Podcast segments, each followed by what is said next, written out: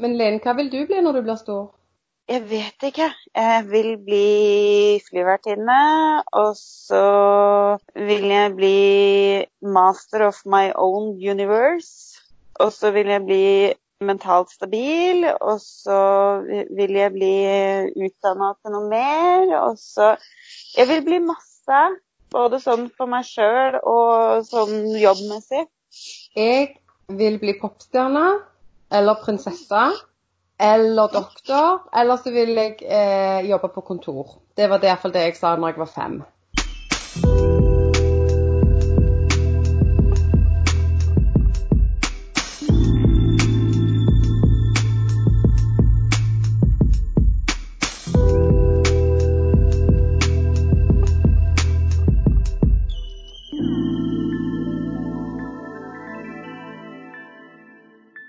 Så du har beholdt drømmene fra du var liten?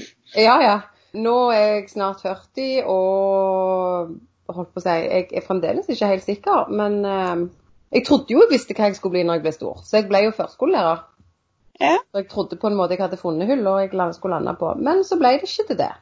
Så da er det jo om å gjøre å på en måte finne en ny vei å gå med livet, da. Og det er ikke bare bare når du, når du liksom skal være stor. Nei, altså Nei, selv jeg sliter jo med det som er 23.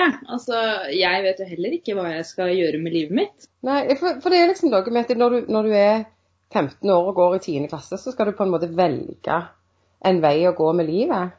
Jeg misunner de som vet det, som faktisk har klart å Ja, det har jeg gjort i alle år, og Misunner de som faktisk veit hva de vil bli når de skal velge videregående. Ja, men hvor mange 15-åringer vet det?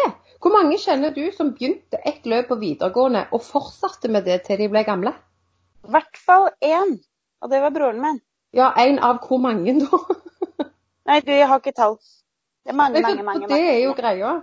Eh, jeg tror ikke jeg kjenner noen som har på en måte fortsatt. Jeg kjenner veldig mange som gikk på hotell- og næringsmiddelfag, som det het på midten av 90-tallet, når jeg gikk. Og det er svært få av de som fremdeles er i bransjen, bortsett fra han mannen min, da. Men han hadde jo bomma tre år på allmennfag først. Ja. Før han fant ut at han ble kokk. Men mange av de er liksom sykepleiere og all slags annet rart i dag. Ja, så hva skal jeg si? Jeg begynte på kokk, og så gikk jeg over til musikk, og så feila jeg totalt det året. Og skulle ta et friår som endte opp med at jeg blei mamma, og så gikk jeg på service og samferdsel og har da kommet til fagbrev i kontorfag og jobber nå i butikk. Det var ikke det jeg skulle bli når jeg ble stor. Nei, jeg hoppet litt fram og tilbake på videregående, for jeg begynte først på allmennfag, for det, det gjorde jo alle i min tid. Og så gikk jeg et år på kokk. Så istedenfor å bli kokk, så fant jeg meg en kokk. Du, det høres Nå, og, og nå til kokken og humrer. eh, og så gikk jeg tilbake til allmennfag. Eh, fant ut jeg skulle ha et friår, og dreit fullstendig i skolen. Strøyk i Jeg fikk ikke vurdert i fire fag, tror jeg. Og så midt i sommerferien så får vi jo panikk når vi ikke kommer inn videre. Fuck it, hva gjør vi nå? Nei, da gikk jeg, endte jeg opp på privatskole og fullførte videregående der da, og fikk studiekompetanse. Men så tørde jeg ikke begynne på universitet, for det var skummelt, det. Så da tok jeg ett års sekretærkurs. Ja, markedssekretær. Det var sånn Word og Excel og sånn. Eh, datakortet, rett og slett. Og så ble jeg gravid på slutten av det året. Og så jeg på, var jeg på en måte mamma i mange år før jeg da endte opp på universitetet til slutt allikevel, som 29-åring. For jeg var gammel dame når jeg begynte å studere. Jeg var nesten eldst i klassen. Altså, jeg også har rukket å være Jeg er jo bare 23, men jeg har rukket å være innom en del greier, jeg også. For jeg var, jeg var fast bestemt på at jeg skulle gå helsefag på videregående. Eh, og så var det et eller annet som bare switcha da jeg, i det året jeg skulle søke på videregående, så jeg endte opp på mediefag. Og der gikk jeg i to år, for jeg gikk siste året på studiespesialisering Eller sånn herre, hva heter det for noe? Ja, for påbygg? Eller, ja, påbygg heter det. Eh, hvor jeg fikk studiekompetanse. Så jeg, skulle jeg bli lærer. Men jeg kom jo ikke inn på det studiet, så jeg gikk ettårsfag på, med ungdomskunnskap. Klarte så vidt å komme gjennom der. Så skulle jeg bli sykepleier. Kom ikke inn på det studiet, for det var rekordmange søkere det året. Eh, hva gjorde jeg da? Da begynte jeg å jobbe. Og så skulle jeg bli helsefagarbeider. Og så mista jeg lysten på det, så nå jobber jeg på Circle K da og vi pølser. Og nå har jeg søkt meg på talentprogrammet for Circle K, så da får vi se hva det blir ut av meg. Og nå, folkens, er vi podkastere, hele jævla gjengen. Ja, kanskje det er det vi skal bli når vi blir store. Det, liksom. Altså, jeg tenker jo vi må ta et blad av Monicas i bok, hennes, hennes, um, det hun vil bli når hun blir stor og kjendis. Så da er det jo på en måte om å gjøre å finne en måte å bli det på. Ja, det er kanskje Det dette veien, da. Det kan, det kan jo være. Who knows? Altså, jeg møter Altså, nå jobber jeg på Circle K i Oslo. Litt utenfor Oslo. Eh, og jeg har veldig mange kjendiser innom. Kanskje jeg bare skal hooke meg på der. Fridtjof Saaheim, Morten Ramm. Disse menneskene. Men nå er jo, jobber jeg jo rett ved Nydalen, da, så det er jo liksom TV-innspilling og sånn rett borti Da gata. hadde jeg bare sagt unnskyld meg, men vet du at jeg har en podkast?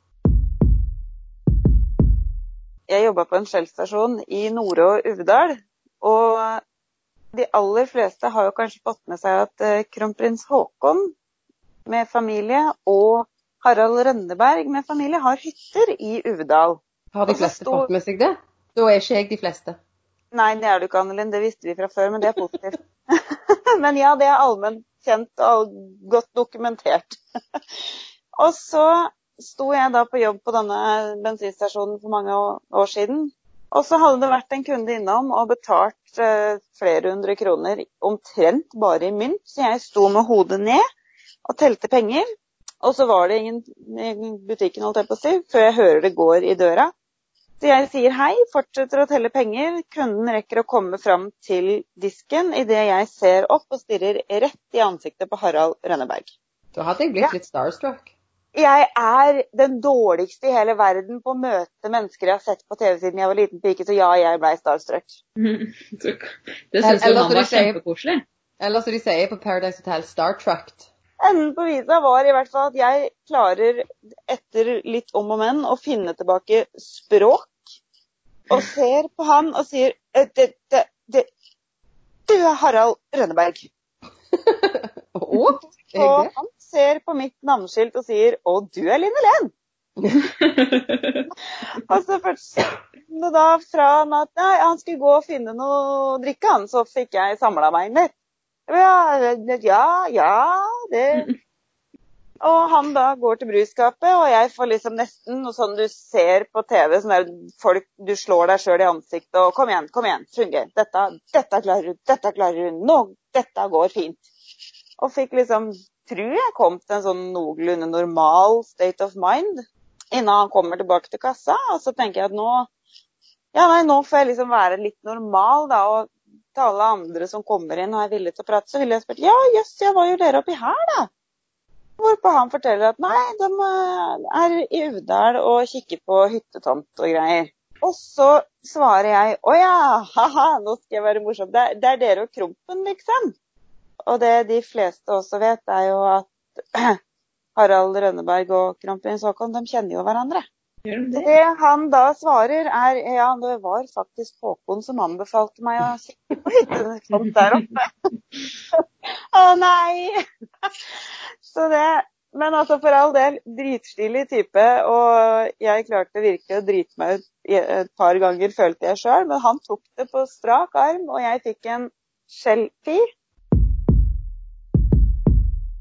Altså, Det var jo en digresjon fra hva jeg vil bli når jeg blir stor, men når vi var innom det med kjendiser og det Men det er akkurat som det er litt sånn ekstra flaut å drite seg ut når du står overfor en kjendis. Jeg merker det hvis jeg har Jeg husker jeg hadde han der som spiller eh, Jeg husker ikke hva han Jo, Christ, det er Skolmen et eller annet. Christian? Jo, Jon Skolmen? Jon Skolmen. Christian er faren. Ja, ikke faren, men han sønnen, liksom. Han, han, han var innom og leide henger, og så skulle han tilbake den hengeren, da. Og så sier jeg eh, Ja, jeg har jo sett deg på TV 1000 ganger, men jeg husker ikke hva du heter, så jeg, jeg følte meg Jeg var så flau. Jeg han bare Skolmen. Og jeg bare Ja, stemmer det! Føltes som å være artig, han syntes ikke det var så morsomt. Nei, ikke sant. Men det er jo kanskje det, det vil jeg bli når jeg blir stor. Hvis jeg blir kjendis, så vil jeg være en av de kjendisene som faktisk prater med de som er rundt. Ja. Ikke sånn som blir sånn høy på pæra og Ottesen og sur fordi jeg må stoppe på en helt vanlig bensinstasjon, men en sånn hyggelig en som klarer å skjønne at andre dødelige mennesker faktisk blir litt starstruck, da. Det er mange fine sånne Paradise Hotel-ismer. Du har vel hørt om hun som var den Ja, Jo, ja. hun var den skarpeste skeia i skapet? Ja, eh, og han skarpeste gaffelen. Nei, nei, den skarpeste skeia i skapet. ja, Og så var det Newton som oppfant graviditeten. Mm. Dæven, han var flink! Ja, nei, var ikke det han eh, Einstein Nei, hva var det de sa? Jeg lo så jeg grein. Ja, det var noe sånt. Eh. Nei, det er Einstein. Ja, men, men jeg har ikke sett Paradise Hotel. Jeg har sett den episoden av eh, Du har sett den om den rekehistorien til Iselin?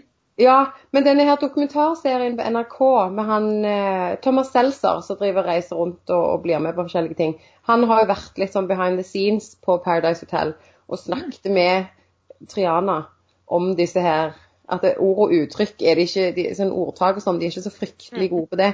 Sånn som han ene så hadde lyst, han ønsket seg ei dame han kunne avslutte livet sammen med. Oh.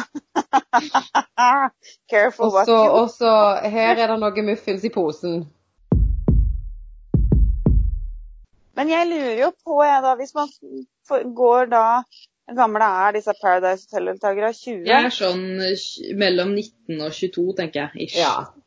15 år tilbake, og så besøker du da femåringen i barnehagen. Og så spurte du dem hva vil du bli når du blir stor, da? Så sitter ikke Henry fem år og sier 'Jeg vil bli Paradise Hotel-deltaker'. Nei, for det, hvem er det egentlig som vil bli Paradise Hotel-deltaker? Hvorfor? Nei, jeg Men i dag er jo det kult. Det er jo det som er problemet. Jo, men det spørs om det er kult. Fordi hvis jeg hadde sittet med ansettelser i en barnehage eller en bensinstasjon eller hvor som helst, og jeg bunka med CV-er, og i dag så blir du googla. Ja, ja du du blir ikke bare googla, du blir Facebooka, du blir Instagramma. Og det er helt greit. For da, får du, Ja. da kan du danne deg et bilde av en person. Og hvis jeg da sitter med ei bunke med CV-er til en stilling, f.eks. i en barnehage, eh, og skal ansette folk, og så søker jeg opp et navn, og så kommer det opp Paradise Hotel, sex på TV, fyll og fanteri, da rykker du nederst i bunka. Ja, Ikke bare jo- du ryker i nei-bunken, ned i søppelkassa Ja, for min og del. det, det er jo òg tidligere Paradise Hotel-deltakere som har gått ut og advart folk mot å være med, for du får ikke jobb etterpå, du blir ikke tatt seriøst. Noen Det er jo jo grunnen til at de blir bloggere eller fortsetter med Ja. andre TV-serier. Er Noen, noen er jo veldig heldige. Petter Pilgaard har jo skapt en karriere ut av det. Isabel Råd har jo blitt eh, eh, blogger. Jo, Eh, Petter er jo Petter. Han ja. har jo en personlighet og, Men- og hele pakka som men, når gjør du, at men når du ser på alle de som har vært med, og hvor få av de som egentlig har blitt entertainere etterpå, og mange av de som har vært med, har vært førskolelærerstudenter.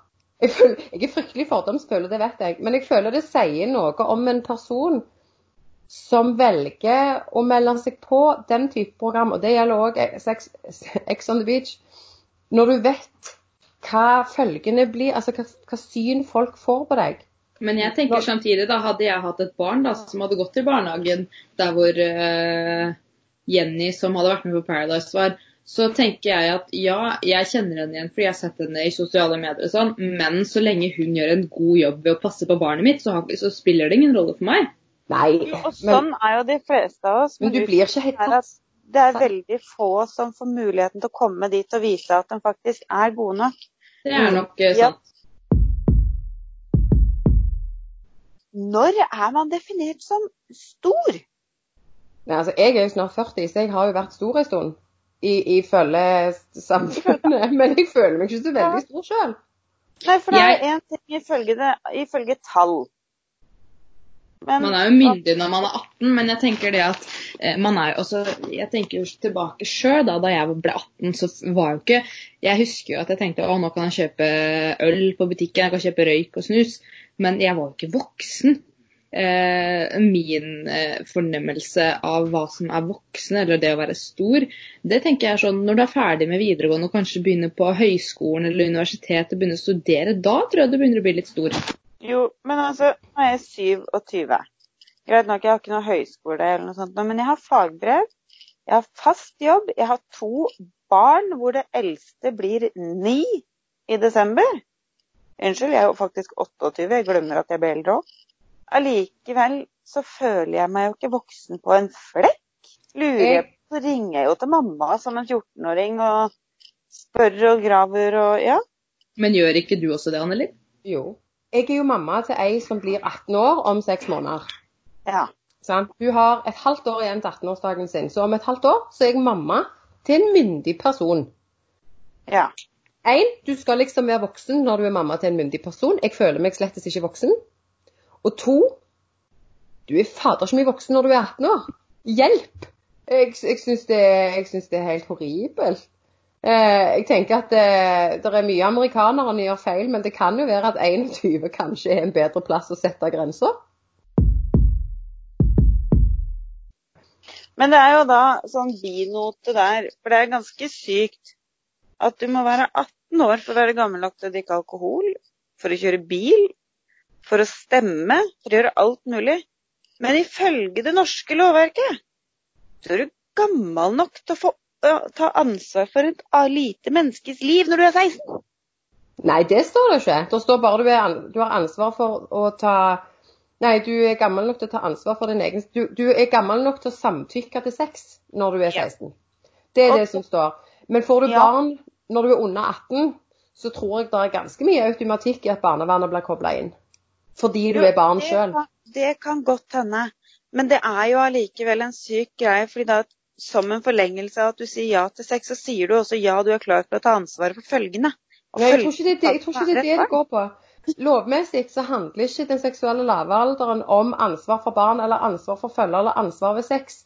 Det handler om at barn under 16 skal være beskytta eh, i forhold til samtykke med folk som er over 16. Så det handler jo om å beskytte barn mot overgrep. Eh, men en 15-åring kan jo ha sex med en 15-åring så mye de vil. Da, ingen kan jo nekte noen å ha sex med noen, egentlig, med mindre den ene er for gammel for den andre. Nei, og den biten av det ser jeg. Men i mitt hode, da. Den dagen du er gammel nok til å si ja til sex, så må du, skal du da i utgangspunktet også være gammel nok til å si ja til konsekvensene. Og det, jeg skjønner jo at lovverket ikke er skrudd sammen sånn og tenkt sånn, men det burde kanskje vært tatt liksom en tankeprosess rundt det, da.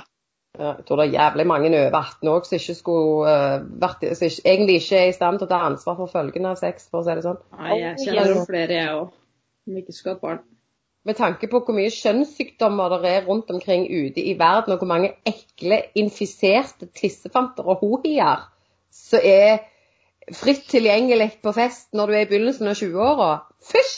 Skulle vært innpakket i kondomer hele gjengen. Jeg satt og kikka på en TV-serie her som heter Working Moms, og der kom det opp forslag om at alle guttebabyer skulle bli midlertidig sterilisert når de var, ble, kom til verden. Og så når de var voksne menn, så kunne man se etter om det var passende at de kunne spre frøa sine videre. Så da kunne man reversere den vasektomien. Tenk så praktisk det hadde vært for menneskeheten. Ja, For alle! det hadde eliminert Da hadde vi eh, sluppet å få så mange idioter, kanskje. da. Ja.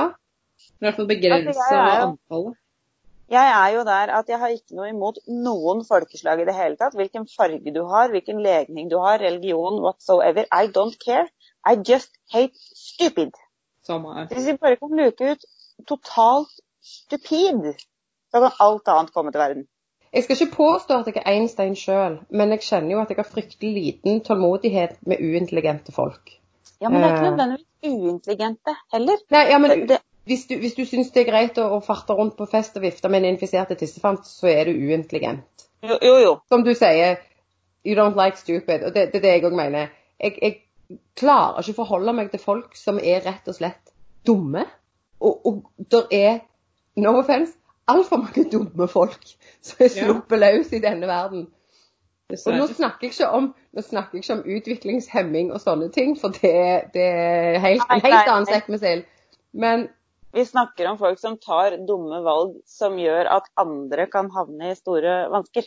ja, men òg de Altså Én ting er å, å synes det er spennende med konspirasjonsteorier, f.eks. Eh, en annen ting er å gå ut i eh, sosiale medier og rope høyt om at Bill Gates har tatt livet av en million folk fordi alle skal ta vaksiner og de skal sette inn 5G for å styre hjernene våre. Altså, skjønner du hva jeg mener?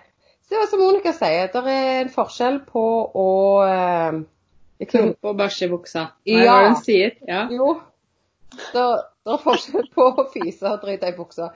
Og, og det er når, når, det, når, når fisen går over til bæsj, da har jeg et problem. Da sliter jeg med å forholde meg til deg. Men det er jo fordi jeg er fryktelig fordomsfull, og det er jeg jo fullt klar over. Men det tror jeg alle mennesker er. Uav, Og uansett om de vil eller ikke, ubevisst, så tror jeg alle er fordomsfulle på en eller annen måte. Det tror jeg bare blir verre etter hvert som man blir større. Ja. Og så tror jeg det er mange som sier jeg liker ikke fordomsfulle folk. Nei, men da er du fordomsfull overfor fordomsfulle folk. Så der skjøt du deg sjøl i trynet. Du kan aldri vinne akkurat den der. Nei, du kan ikke. Alle er fordomsfulle. Så kanskje det er greia, da, at når jeg blir stor, så vil jeg bli bitte litt mindre fordomsfull. Ja. Enten er du fordomsfull bare på rette måten. Ja, ja, ja, for all del. Men da kan man jo gå over og lure på er man da fordomsfull, eller er man bare kritisk. Nei, for det er jo noe med typen fordommer du har. Eh, for det er forskjell på å være fordomsfull overfor alle muslimer og å ha et litt dårlig inntrykk av de som har vært med på Sex on the, X on the Beach. Hvorfor sier jeg Sex on the Beach hver eneste gang? Eh, altså, er Fordi de har ofte ja, altså, det er, der er litt der er forskjell på det. Eh, det har jo litt med hva du er fordomsfull overfor, og hva du gjør med disse fordommene dine. Og hvor bevisst Ja. du er på dem sjøl, ikke minst. altså, Det er jo litt forskjell på da å sitte og ha sine egne forutinntatte meninger hjemme i stua si over en kaffekopp sammen med samboeren, og det å Mm. gå ut og tvitre dem for milliarder av mennesker, sånn som en viss eh, Han Ja. var en av de menneskene som aldri hadde blitt født hvis eh, menn hadde vært sterilisert. yes. Ja, ja. Og du, Erna Solberg på TikTok, jeg vet ikke om dere så det? Du hadde sammen samme hun sykepleieren, ja. Ja. Det var dritkult. Hva er oddsen for at Donald Trump hadde blitt med på det? Never ever Not a damn shit. Det, det synes jeg var helt fantastisk. Det. Ja. Det syns jeg var herlig. Hun sykepleieren hun jobber på Aker, som jeg skal opereres på på mandag, så jeg dauer hvis hun skal pleie meg etter en nyoperert. Da må du spørre om jeg får være med på en TikTok, så kan du plugge kjerringrådet på TikTok. Ja, det skal jeg gjøre. Unnskyld meg, men du, vi har en podkast. Kan du hjelpe meg å advertise? Nå, damer, skeidner vi helt ut på vide vanker Ja. Og jeg liker det, for det er veldig, veldig artig å høre på ofte. Mm. Men eh, tilbake til eh, hvordan vet man at man er stor, og hva vil man bli når man blir stor? Kanskje det ikke går Jeg har Det bare slo meg at kanskje det ikke har noe å gjøre med yrke eller ting man presterer og sånne ting. Kanskje det har med verdier å gjøre? Men jeg tenker jo kanskje vi skulle spurt noen som er virkelig, virkelig store. Noen som gjerne har runda 80. Og spør Ja. de når visste du at du var stor? Når visste du du var voksen? Men damer, nå har jeg, mens vi har prata nå, så har jeg googla 'Når vet du at du er voksen?' Hey! Nå har jeg funnet 18 punkter, og jeg skal lese opp noen. 1. Det er mer fristende med en hjemmekveld enn en tur på byen på en lørdag. Ja. Eh, to, du står opp tidlig på fridager slik at du kan få noe ut av dagen. ja. Frivillig, men ja. Du skjønner ikke hvordan du alltid har sett på småunger som plutselig kan være voksne. ja. Du tar det som et kompliment når du blir spurt om å vise legitimasjon på Vinmonopolet. Hell yes! Eh, du drikker kaffe og syns det er godt. Nei, bare med melk. Og det er masse soyamelk og vaniljesyre. og Nei, nei. Svart kaffe, beinsterk, ordentlig sånn eh, jordmorkaffe, som det kalles. Å, nei, jeg, jeg er med Anne-Linn der, altså. Det risler nedover ryggen. Kjenner det napper bak i rumpetaska idet du tar første supen. Rumpetaska. Next, please. Eh, ja. Eh, du begynner å spise sunt fordi du vet det er bra for deg, men så husker du at du er voksen og kan spise hva du vil. Ja. Eh, du inviterer folk på middag istedenfor vorspiel. Ja. Eh, og om du er jente, det er jo vi, du går for de behagelige skoene fremfor de høyhælte du vet gir deg vondt i beina etter en halvtime. Jo da. Nei. Jeg tror jeg har to par med høyhælte sko. Resten er joggesko og Converse. Ja, ja, ja. Jeg tror jeg har ett par høyhælte sko. Clouet er jo å finne høyhæla sko som ikke er vonde å gå i etter en halvtime. Ja, men de fins ikke. Jo da, jeg har flere. Nei, ikke med det skranglete bekkenet mitt. Du balanserer så innmari. Jeg orker ikke det. Nei, med mitt bekken så går det ikke. Ja. Det blir for mye greier. Jeg foretrekker sneakers. jeg. Ja, lenge leve Converse. Converse er sånn fint par sko. De passer egentlig ikke til noen ting. Men Og samtidig derfor så passer de til alt. Derfor passer de til alt. Ja. For de er like stygge til kjoler som de er til jeans. Men med den lista til Sara, så tror jeg vi alle tre kan konkludere med at vi kjenner oss igjen i noen punkter som tilsier at vi i utgangspunktet skal være voksne, mens på andre punkter så kjenner vi oss ikke igjen. Og så er det noen punkter vi er uenig i. Men eh, altså spørsmålet da, må man bli stor noen gang? Kan man ikke ha voksne aspekter av seg og fortsatt være et barn? Jeg tenker du er ikke skikkelig voksen før du tør å være litt barnslig. Nei, nettopp. Altså For å si det sånn, da. Min veileder når jeg var eh, lærling, hun er jo da over 60 og valgte å begynne på å bygge seg en frittstående bachelor. Ja.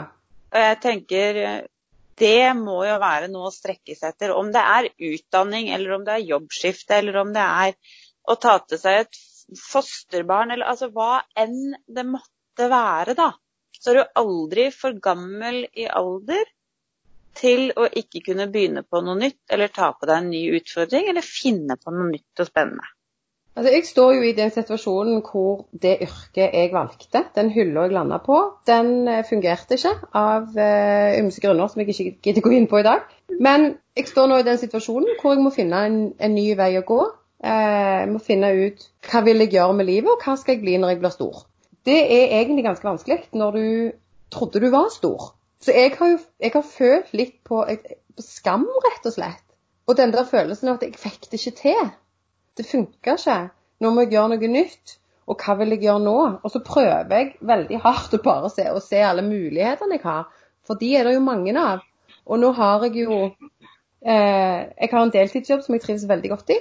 Og jeg har på en måte noen dører som jeg eh, stikker hodet litt gjennom. Så jeg er veldig spent på hva, hva framtida skal bringe med seg eh, for denne gamle dama.